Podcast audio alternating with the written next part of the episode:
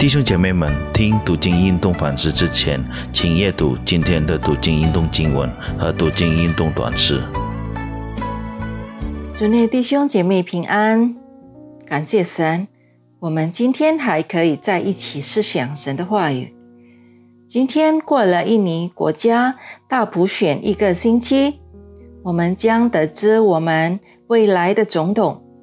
我们一定要支持得选的总统，为我们印尼国家的领袖祈祷，让上帝使用他，成为印尼国家人民的好仆人。我们来先一起祷告：阿巴父神，我们先上赞美与称谢，因为你带领我们印尼国家的大普选平安的举行，也已经得到了好结果。我们印尼国家未来的总统和政府官员，我们求神使用他们，成为国家人民的祝福。他们也为国家信实的服务。求神加给他们敬畏上帝的心，以及赐给他们聪明智慧来管理国家和人民的需要。阿巴天父，这时候。我们也把以下的时间交托在主的手里，求圣灵带领我们，打开我们的心思意念，使我们接受你的话语，以顺服的心遵行你的话。我们如此祈求祷告，是奉靠主耶稣的名。阿门。亲爱的弟兄姐妹。我们今天读经运动的主题是有明晰意象的重要性。我们要一起读的经文是取自于马可福音第二章第一节到第十七节。可是因为时间的缘故，我只读给大家第一节到第五节。神的话如此说：过了些日子。耶稣又进了加百农，人听见他在房子里，就有许多人聚集，甚至连门前都没有空地。耶稣就对他们讲道：“有人带着一个摊子来见耶稣，是用四个人抬来的，因为人多不得进前，就把耶稣所在的房子。”拆了房钉，即拆通了，就把摊子连锁躺卧的褥子都坠坠下来。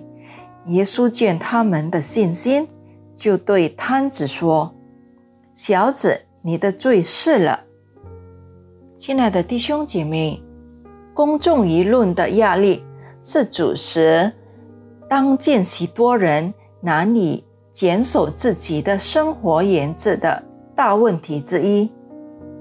其实，这种情形早在几百年前就已存在了。在本日经文中，我们看见主耶稣在两件事上面对公众舆论的压力。这两件事就是关于他有无赦罪权柄。和他不以税吏们及被大众视为罪人的人们保持距离的态度。这里说的公众舆论是指：第一，立法师们认为主耶稣无权赦罪，因为唯有上帝才能赦罪。他们之所以如此认为。是因为他们不信耶稣基督就是弥赛亚。实际上，耶稣就是为亲自释放被罪奴役的人类而道成肉身的上帝。律法师们对弥赛亚的认识错误，他们以为弥赛亚是带领他们摆脱殖民统治的解放者，而事实上。沦为罪的奴仆，要比受殖民统治光景更为悲惨。第二，属法利赛人的律法师们觉得自己是圣洁的，以税吏和罪人达成一片，会玷污自己。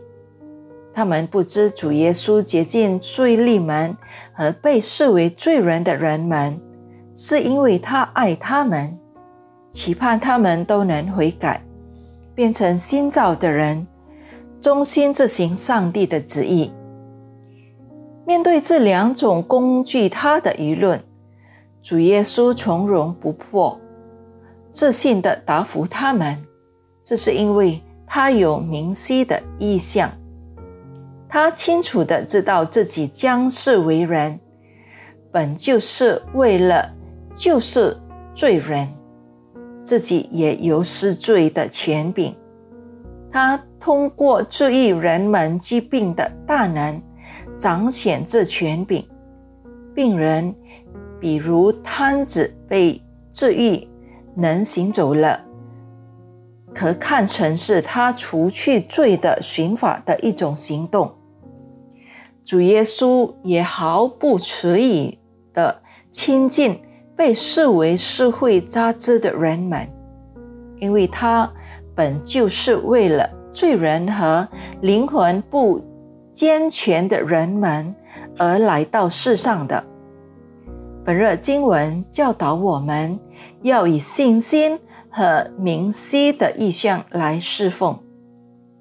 若是意向不明晰，或信心不牢固，我们就会被公众舆论所左右。您能否屹立在公众舆论面前不倒吗？